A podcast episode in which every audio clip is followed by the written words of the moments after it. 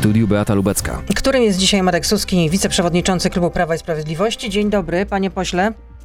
Dzień dobry, witam panią. Witam Od zawsze wierny druh prezesa Kaczyńskiego, trzeba o tym przypomnieć. A czy pan wie, jak się będzie nazywała nowa partia Adama Bielana? Nie wiem. Ja do tej partii nie zamierzam przystąpić. No, ja wiem, że pan nie zamierza, a, a pan wie, kto ma tam przystąpić do tej partii? No, słyszałem o Bielanie, Bortniczuku, a dalej to nie wiem. To jest jakby inicjatywa nie moja, więc nie jestem specjalnie zainteresowany, kto przystąpi. Jak założą, to wtedy się dowiemy. Czyli to jest taka biała flaga ze strony y, Adama Bielana, tak? który oporczywie twierdził, że wbrew wyrokom sądów, że jest PO mm, szefa hmm. porozumienia Jarosława Gowina. Nie wiem, ja bym tego nie odczytywał jako białej flagi, tylko podjęcie e, sztandaru własnej partii. To jednak chyba nie jest biała flaga. To jest pójście własną drogą. To jest zawsze bardzo trudne. Nie nazwałbym tego białą flagą.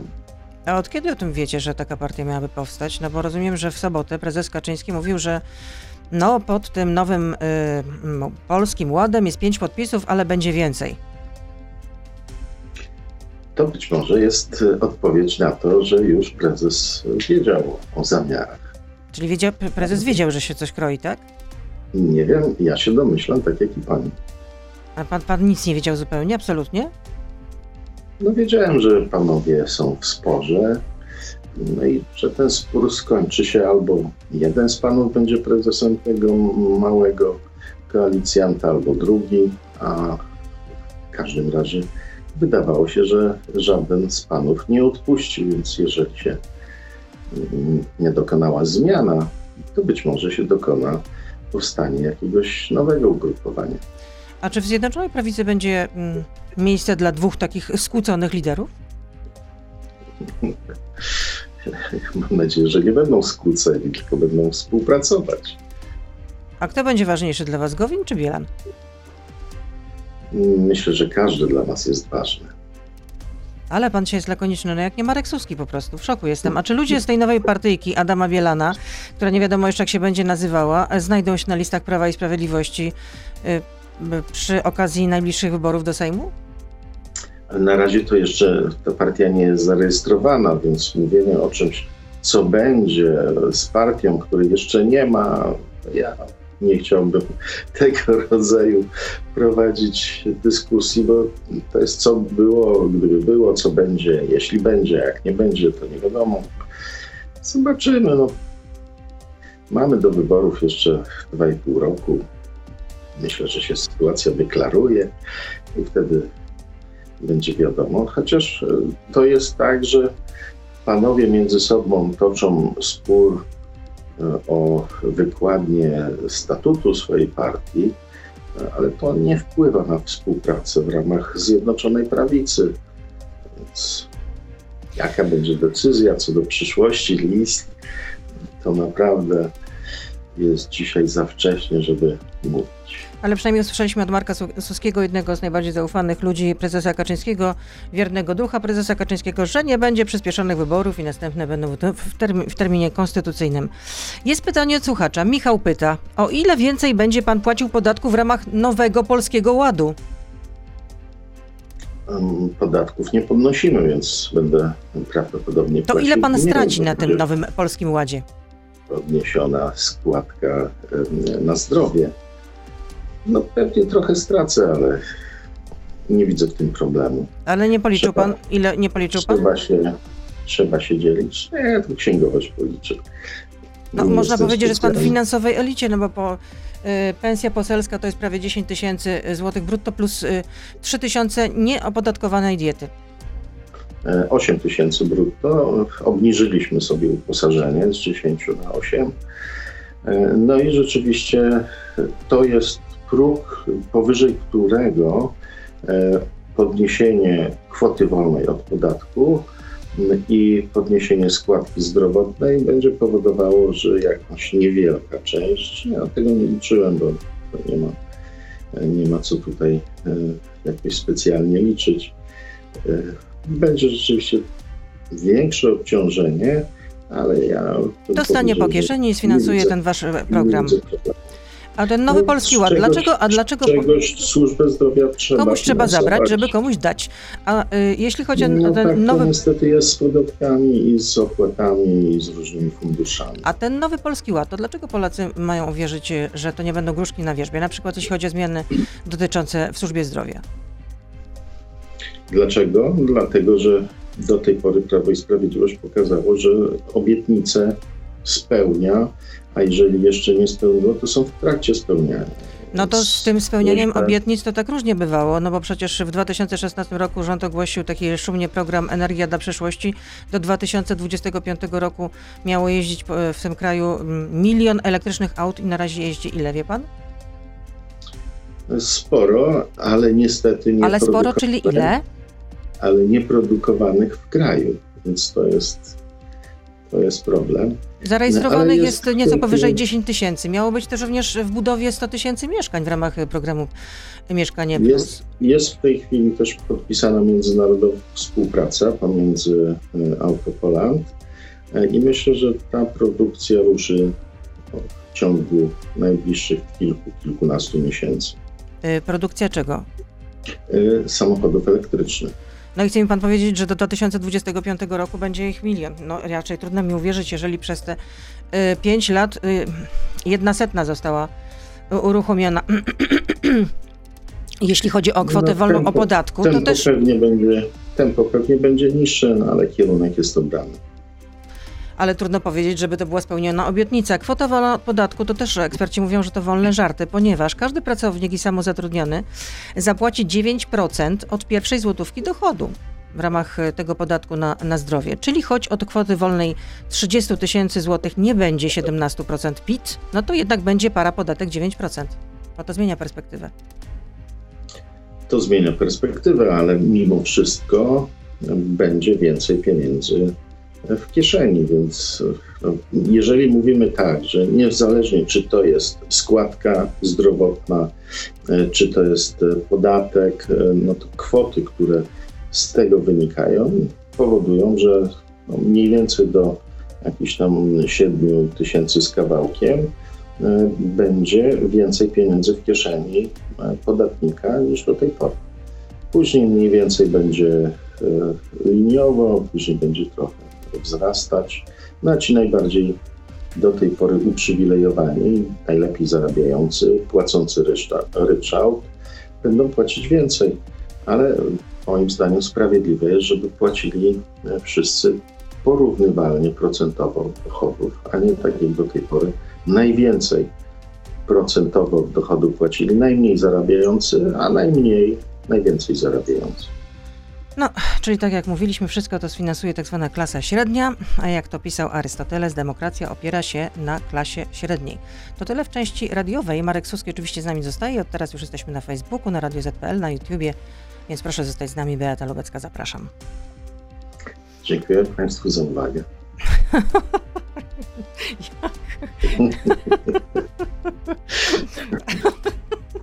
Przepraszam bardzo, ale mnie pan rozbawił tym po prostu. Jak to tak zabrzmiało naprawdę jak kiedyś w PRL-u. Stracą samorządy, panie pośle. No to jak rząd zamierza to e, zrekompensować? Bo nawet według wyliczeń Ministerstwa Finansów e, to w grę wchodzi 10-11 miliardów złotych rocznie, jeśli chodzi po zmianach PIT-u mniejszy podatek z PIT-u, ale zakładamy, że będzie wzrost gospodarczy i będą inne podatki, chociażby z CIT-u większe. Do tej pory y, po obniżeniu podatku z PIT-u samorządy też mówiły, że będą miały mniejsze dochody. Okazało się, że dochody wzrosły. Y, więc myślę, że to jest troszkę takie straszenie. Ale to zakładamy to na krótkich podstawach, bo zakładamy, że będzie e, wzrost gospodarczy, a jeśli go nie będzie, to co wtedy? Jeżeli go nie będzie, to wszystko będzie e, gorzej szło wszyscy będą mieli niższe dochody, w tym samorządy. No Ale konkretnie jak to będzie załatana ta dziura? Jak będzie za, za, załatana ta dziura, oprócz tego, jak pan mówi, że e, pieniądze z podatku CIT? Jak będzie załatana dziura? Mhm. No na pewno będzie też wsparcie dla samorządów.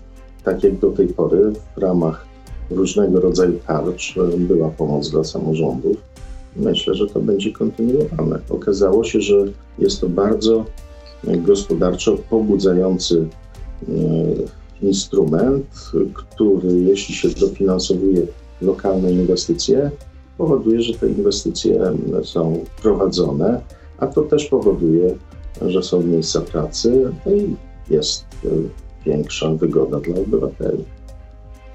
No, w ramach Nowego Ładu przewiduje się powołanie sieci onkologicznej i kardiologicznej, ale już lekarze mówią, że no, sieć onkologiczna w ramach pilotażu się nie sprawdziła. Mm, niczego nie poprawiła, a sieć kardiologiczna bardzo zaskoczyła w ogóle ekspertów, bo nie wiadomo, czy w ogóle jest potrzebna. Myślę, że jest potrzebna w wielu miejscach. Jest bardzo duża odległość do szpitali specjalistycznych, więc zrobienie takiej sieci, gdzie odległości będą bliższe, no i ta złota godzina dotarcia do lekarza, żeby udzielić tej pierwszej, najpotrzebniejszej pomocy.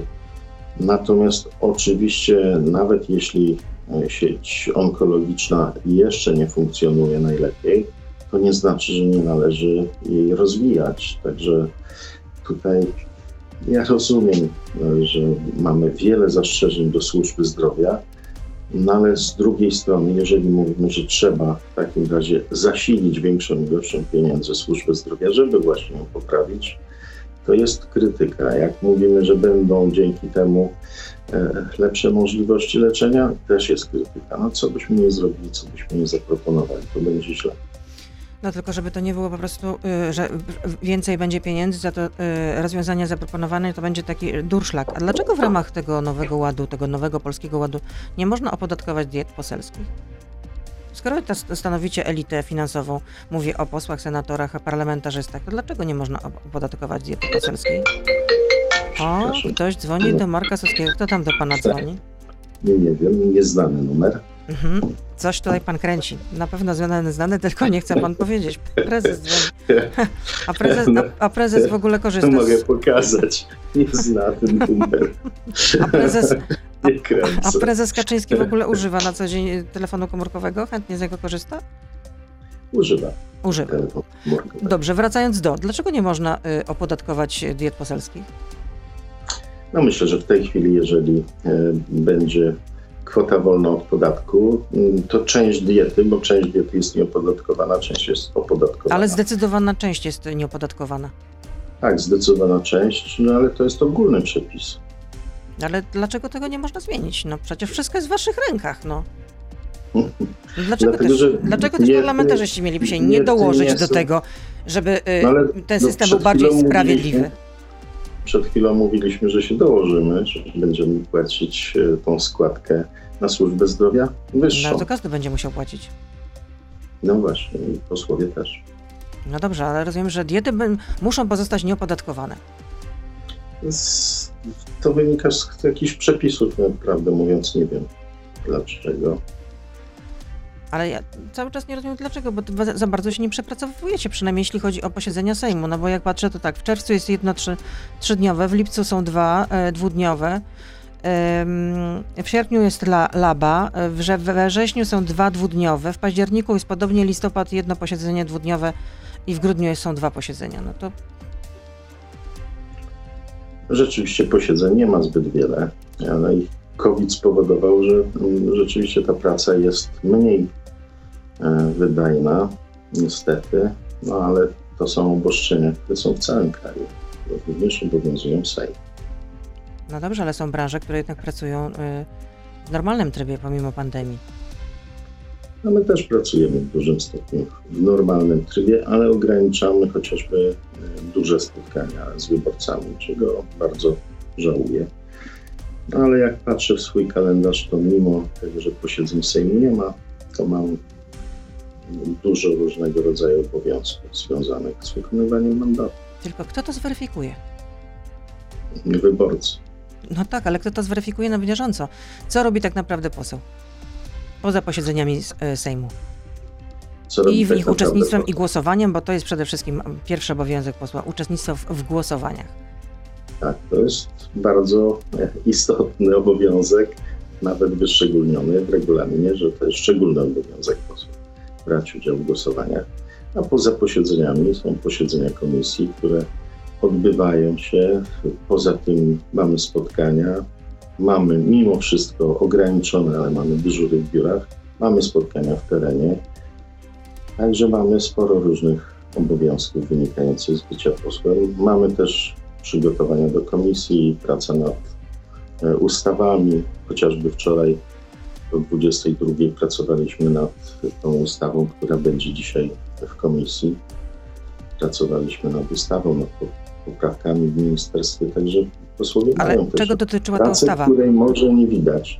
E, To jest ustawa dotycząca e, unowocześnienia naszej e, energetycznej gospodarki, dotycząca chociażby różnego rodzaju instalacji, instalacji hybrydowych, które będą składać się na to, że będziemy mieli energię e, ze źródeł odnawialnych e, i sposób jej włączenia do sieci, e, sposób jej organizowania, podwyższenie zresztą też wysokości zwolnionej z, ze, z konieczności zgody na taką instalację. Także liczymy na to, że nastąpi rozwój tej energetyki i będzie ona wydajna mniej więcej porównywalnie do dzisiejszej energii pochodzącej z paliw kopalnych. Mówił pan w jednym z wywiadów, że ten e, program e, Polski Nowy Ład nie jest dla tych, którzy mają 9 mieszkań. Tutaj pił, pił pan e, ewidentnie do Roberta Kropiwnickiego z Platformy Obywatelskiej. No to w takim razie to również nie jest program dla pana premiera, który jak widziałam, sprawdziłam oświadczenie majątkowe, ma 5, prawie 5 milionów e, mm, oszczędności w złotówkach, ma też dwa domy. No i premier będzie też płacił wyższą składkę zdrowotną. No ale to nie jest tak, że jak ktoś rządzi, to uchwala program taki, który będzie wygodny dla niego. Rządzenie, przynajmniej w Ma- naszym wykonaniu, polega na Ale tym, premier ma taki że majątek zgromadzony, że ustawę. naprawdę jego tam to w ogóle nie zaboli, można powiedzieć. Tym bardziej, że jeszcze jak e, wiemy, e, przepisał część majątku na swoją żonę. A czy pan wie, e, I tu się z panią zgadzam, że ci, którzy mają bardzo dużo, to oni nie odczują, czy zapłacą 1000 zł, czy 2000, jak ktoś zarabia 100 tysięcy miesięcznie, to naprawdę nie odczuje tego, że zapłaci większą składkę. Natomiast odczuje to system opieki zdrowotnej. A czy pan się orientuje, kiedy na przykład Trybunał Konstytucyjny może się zająć tą ustawą, która została właśnie odesłana do Trybunału Konstytucyjnego w sprawie ujawnienia e, majątków współmałżonków, polityków? Nie wiem, to jest decyzja Trybunału Konstytucyjnego. Ale nie dziwi pana, że to tam się po prostu tak maceruje, można powiedzieć? No jakoś e, można było rozpatrzeć e, projekt ustawy dotyczący zawężenia dostępu do aborcji. Można było rzeczywiście szybciej to rozpatrzeć, ale to jest decyzja Trybunału Konstytucyjnego. Ja kiedyś Ale wam to chyba bardzo na rękę. poprzedniej kadencji zgłosiłem nawet taki wniosek, żeby posłowie i senatorowie składali oświadczenia, nie tylko swoje, ale też małżonek, no bo taki rozdział majątku może nasuwać przypuszczenia, że jest to chęć ukrycia jakiegoś majątku. No wtedy No i co z tym wniosek? Sejmowa, a, niestety większość sejmowa odrzuciła ten pomysł. Większość sejmowa, czyli Prawo i Sprawiedliwość, Zjednoczona Prawica. Nie, to jeszcze było za czasów Platformy Obywatelskiej. A to dlaczego nie złożył pan takiego wniosku, jak rządzicie? Platformy. No bo jeżeli teraz jest rozpatrywane przez e, Trybunał Konstytucyjny, no to czekamy na rozstrzygnięcie, czy jest to rozwiązanie konstytucyjne, ponieważ wtedy ten wniosek był odrzucony i były tego rodzaju zastrzeżenia, że o, to jak ktoś ma rozdzielność majątkową z małżonką, to już stanowią dwa odrębne byty i nie należy tego kontrolować. Ale Ja rozstrzygnięcia. Trybunału Konstytucyjnego najwyraźniej szybko się y, nie doczekamy, czyli na razie to wszystko jest po prostu martwe i na papierze. A co z tym Pawłem Kukizem? Czy będzie w końcu Zjednoczonej Prawicy, czy nie? Dogadacie się z nim, czy nie? Bo ciągle słyszymy, że są jakieś rozmowy, że tutaj też był Paweł Kukiz y, w gościu Radia Z i mówił, że no są szanse na to, żeby wprowadzić y, być może ordynację mieszaną, jeśli chodzi o wybory. Hmm, no i to jest pytanie, na które ja nie znam odpowiedzi, bo to jest w zasadzie pytanie do Pawła Kukiza. Czy on będzie chciał być, czy nie będzie chciał być. Jak na razie odbieram taką sytuację, że no on trochę chciałby, ale boi się. Ma takie koło, które w ostatnich głosowaniach głosuje jedni za, drudzy przeciw. Jedna osoba bodajże się wstrzymała, czyli to jest bardzo topniejowy, topnie, topniejący cookies, teraz już chyba nie jest 15, tylko cookies 5. A kto będzie nowym kandydatem Prawa i Sprawiedliwości na Rzecznika Praw Obywatelskich? Na razie nie ma decyzji. A Lidia Staroń, senatorka y, niezależna w przeszłości działaczka Platformy Obywatelskiej, taka kandydatura w ogóle wchodziłaby w grę? Nie wiem, ja tej pani nie zgłaszam. No ale Jeżeli będzie takie zgłoszenie, no to wtedy będziemy na ten temat dyskutować. no dlaczego tak zwlekacie ze zgłoszeniem teraz kandydata? To po prostu nie ma kolejnego chętnego, tak? Nie wiem, być może chętni są, ale ja nie mam wiedzy na ten temat. Czyli rozumiem, że bardziej prawdopodobne będzie to, że będzie projekt ustawy, który y, będzie skutkował tym, że w, będzie PO Rzecznika Praw Obywatelskich, jak to mówi opozycja komisarz. Być może bardziej prawdopodobne jest to, że jednak będzie jakiś kandydat. Mhm. A kiedy to się okaże generalnie, czy, czy będzie jakiś kandydat? No to jest decyzja e, prezydium Komitetu Politycznego. No ale przecież macie określony czas. No mamy, ale jeszcze nie minął. Rozumiem, czyli zawsze wszystko na ostatnią chwilę, bo przecież to, że kończy się y, kadencja Adama Bodnara też was zaskoczyło. Nie, nie zaskoczyło nic. Ale można było wcześniej o tym pomyśleć. Y, Panie, No można było. Trwały rozmowy w Senacie, żeby jednak znaleźć jakąś większość. Stąd też sytuacja się przeciągała. ale ja mówię jeszcze o tym, żeby wystawić takiego kandydata y, zaraz jeszcze na y, długo, na tyle wcześnie, jeśli chodzi o koniec kadencji aktualnie jeszcze urzędującego Adama Bodara na podstawie decyzji Trybunału Konstytucyjnego, żeby można było go wybrać po prostu jeszcze we wrześniu ubiegłego roku, kiedy kończyła się kadencja, albo w październiku. No, najszybciej jak się da po prostu, po zakończeniu kadencji przez aktualnie y, urzędującego Rzecznika Praw Obywatelskich. Panie pośle, Marek Suski jest z nami, wiceprzewodniczący Klubu Prawa i Sprawiedliwości. A dlaczego Marcin Warchoł, znany panu wiceminister sprawiedliwości, mm, robi sobie kampanię w Rzeszowie za pieniądze z Funduszu Solidarności, Sprawiedliwości, przepraszam. Nie wiem. Ale Trzeba czy by to pana zdaniem jest w porządku? Jeżeli tak jest, to nie jest w porządku. No to ja panu przybliżę tę sytuację.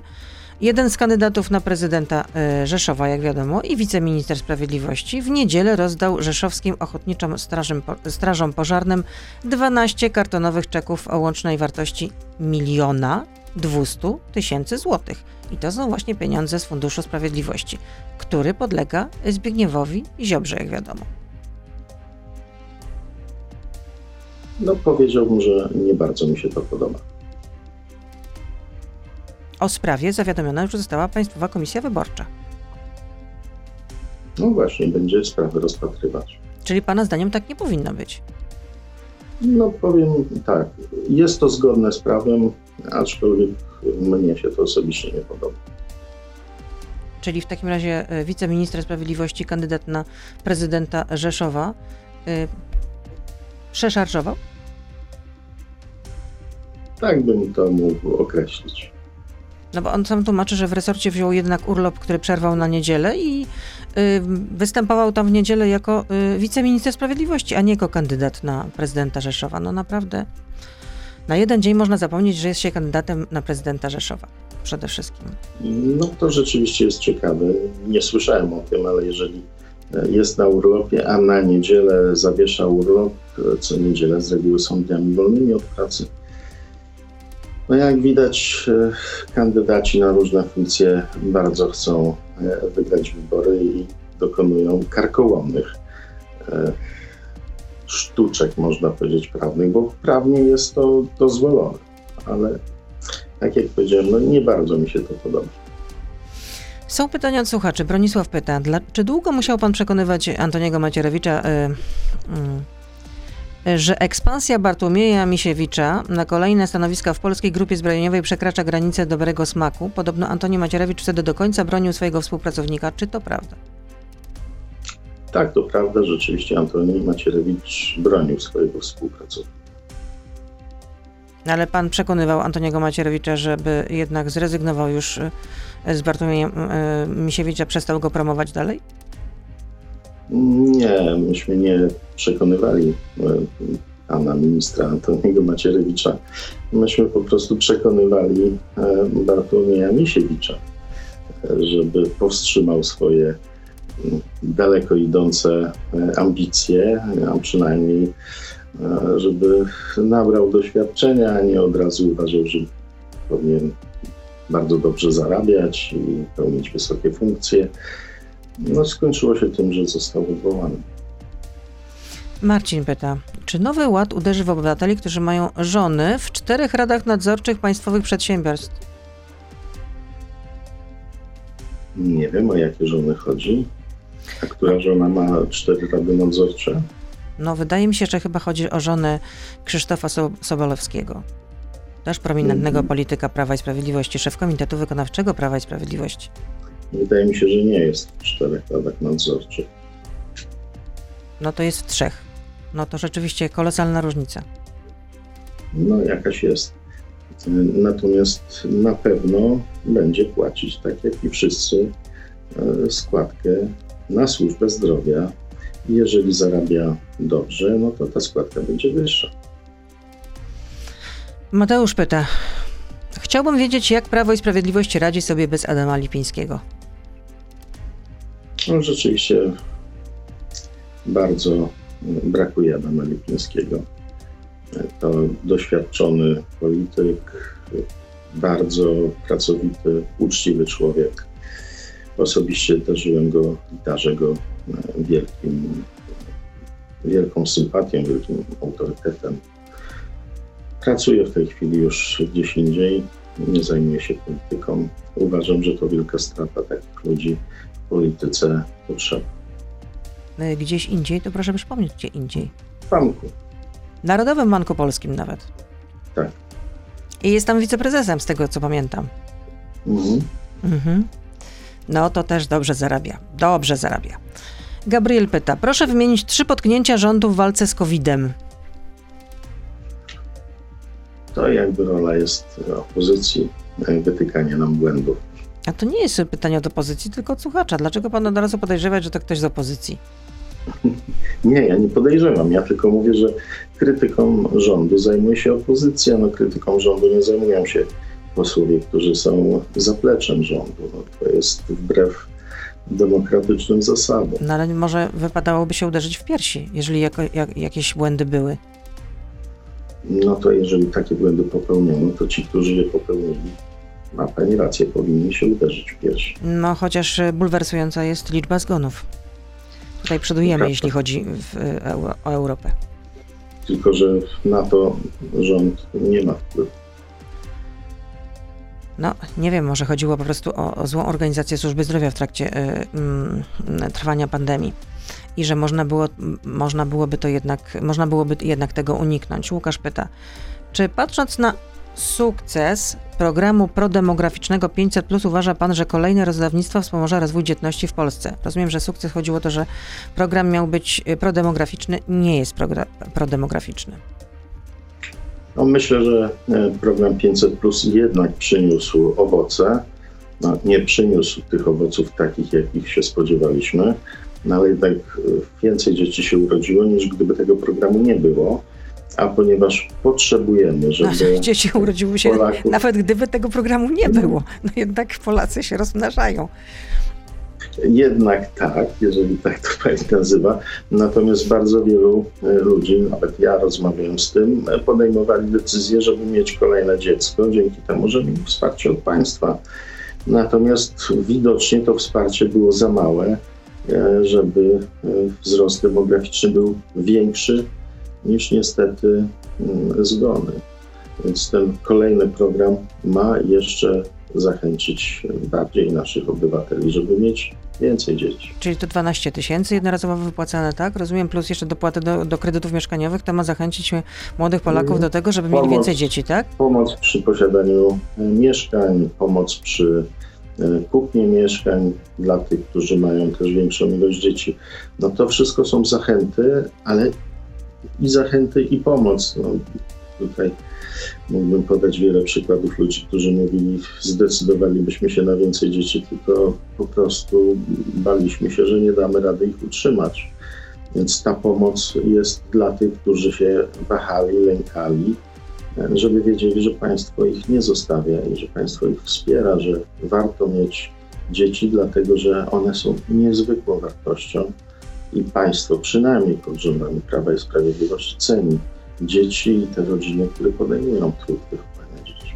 No, nikt tego nie kwestionuje, że dzieci są. Y wielką wartością. Nikt tego nie kwestionuje, natomiast program 500 Plus jednak nie okazał się prodemograficzny, tak jak e, przekonywaliście, kiedy ten program został wprowadzony w życie.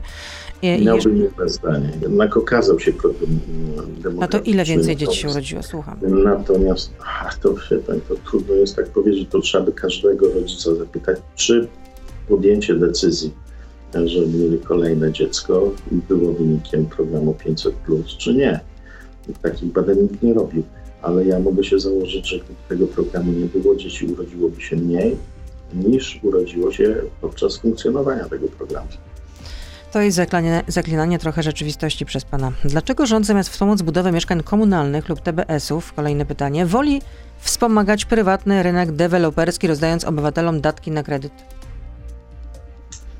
Bo różne formy e, wzrostu ilości budowanych mieszkań są przez rząd preferowane i te TBS-y, i e, również te, które e, sami obywatele starają się, e, żeby były wykorzystane dla zwiększenia ilości mieszkań. No nie, nie widzimy takiego, mm, takiej sytuacji, w której należałoby deweloperów w jakiś sposób zniechęcać czy utrudniać im budowanie mieszkań, bo oni tych mieszkań też budują sporo. No tak, Mieszkanie Plus jednak się nie sprawdziło. Michał, proszę w kilku zdaniach określić, panie pośle, skąd się bierze bogactwo? Bogactwo bierze się przede wszystkim z pracy. Coś jeszcze? No, przede wszystkim bierze się z pracy. Te społeczeństwa, które dużo pracują, które mają dobrze zorganizowaną pracę, no a to jest e, dużo pracy, to jest dobra organizacja również. To jest e, automatyzacja, dzisiaj robotyzacja, to jest e, elektronika, te wszystkie nowoczesne formy, czyli rozwój nowoczesnych technologii. No to jest bardzo szeroka gałąź, natomiast wszystko opiera się jednak na pracy, niezależnie od tego, czy będziemy się z tym zgadzać, czy nie. Natomiast im lepiej ta praca jest zorganizowana, im bardziej jest wydajna, tym jest większe bogactwo. Ale oczywiście no, to jest bardzo szeroki temat. To jest wiele prac, y, nie tylko doktorskich, ale i nobliści opisywali, z czego tutaj by trzeba było jednak sięgnąć też do literatury. Ale najważniejszym elementem jest dobrze zorganizowana praca dobre rządy, czyli wykorzystanie e, efektów e, pracowitości obywateli, no i pewne ukierunkowanie tej pracy, no bo można oczywiście wozić taczkami piasek z kubki na kubkę i z powrotem, to wtedy nie ma żadnych efektów, a jednak ktoś mówi, że się napracował. Natomiast z czego bierze się bogactwo na świecie, w różnych krajach? Jednym z motorów napędowych gospodarki jest inwestycja w infrastrukturę, inwestowanie państwa, pobudzanie E, gospodarki i jest też motorem napędowym właśnie mieszkalnictwo. No i e, bogactwo bierze się też z tego, że społeczeństwa się rozwijają i mają coraz większą ilość obywateli, stąd ten program prokreacyjny, o którym Pani mówiła, że może nie do końca się sprawdził, ale ja twierdzę, że jednak Czyli my chcielibyśmy być jak Chiny, jak rozumiem. Premier Morawiecki. No, to może nie aż tak, bo Chiny mają problemy z kolei z zbyt dużą ilością obywateli. E, no i ja nie chciałbym, żeby takie różne prawa i, i obyczaje, bo niektóre z tych praw i obyczai są no, trudne do zaakceptowania. Na przykład co byłoby no. dla Pana trudne do zaakceptowania? E, no tam do niedawna obowiązywał zakaz, zakaz posiadania drugiego dziecka. Dzisiaj za drugie lub kolejne dzieci już nie ma zakazu i nie idzie się do więzienia, ale płaci się podatek. Czyli takie, mm, tak jak u nas jest 500, plus, tam jest takie minus 500. E, więc to jest po pierwsze. Po drugie, na dobrą sprawę tam nie ma zasiłku bezrobotnego. E, emerytury są bardzo skromne, więc jeżeli ktoś nie ma rodziny, to, ciężko żyje na emeryturze. E, jest, można powiedzieć, bardzo, mm, jakby to powiedzieć, praca mm, bardzo wykorzystująca pracowników, bo tam pracuje się bardzo wiele godzin, nieraz 7 dni w tygodniu mm, i te płace są stosunkowo niskie, chociaż dzisiaj już przeciętna płaca jest niewiele niższa niż przeciętna płaca w Polsce. Więc nie jest też prawdą, tak jak do niedawna się uważało, że Chińczycy jeżdżą na rowerach i pracują za miskę ryżu. No tam jednak się zmieniło. Jednak dziś w Pekinie jest pięć e, pasów dla samochodów, jeden dla rowerów. 30 lat temu było inaczej. Ale z czego się to wzięło? No właśnie z tego, że Chińczycy są bardzo pracowici. O tym, że należało pracować na, e, za miskę ryżu, to mówił swego czasu premier Morawiecki, kiedy jeszcze nie podejrzewał, że będzie premierem, a był podsłuchany y, w pewnej restauracji, która też już nie istnieje. Mówił, mówił, że ludzie nie chcą pracować za miskę ale, ryżu. Ale dobrze by było, gdyby pracowali. Premier Morawiecki bronił paszportów covidowych. Nie, nie sądzę, żeby to było dobrze. No na pewno nie byłoby dobrze. Premier Morawiecki bronił paszportów covidowych, pyta Michał, jako ograniczenie wolności tym, że kierowca autobusu nie może jechać pod prąd. A czy według pana takie paszporty ograniczyłyby wolność człowieka? Każdego rodzaju paszporty ograniczają wolność człowieka. Granice państwowe ograniczają wolność człowieka.